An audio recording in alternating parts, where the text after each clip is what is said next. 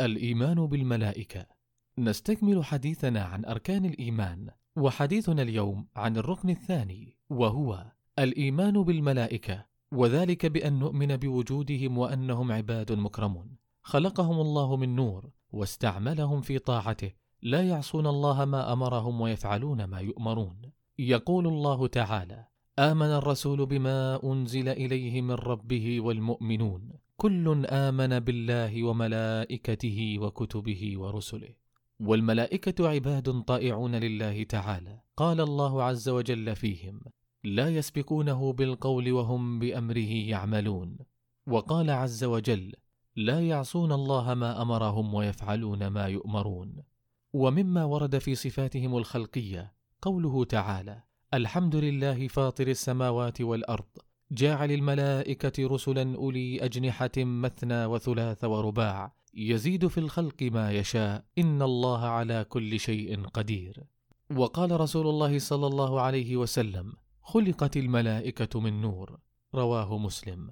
وقال صلى الله عليه وسلم أذن لي أن أحدث عن ملك من ملائكة الله من حملة العرش. إنما بين شحمة أذنه إلى عاتقه مسيرة سبعمائة عام. رواه أبو داود.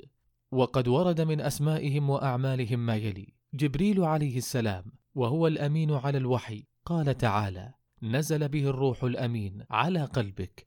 وميكائيل عليه السلام الموكل بالقطر وإنزال الأمطار.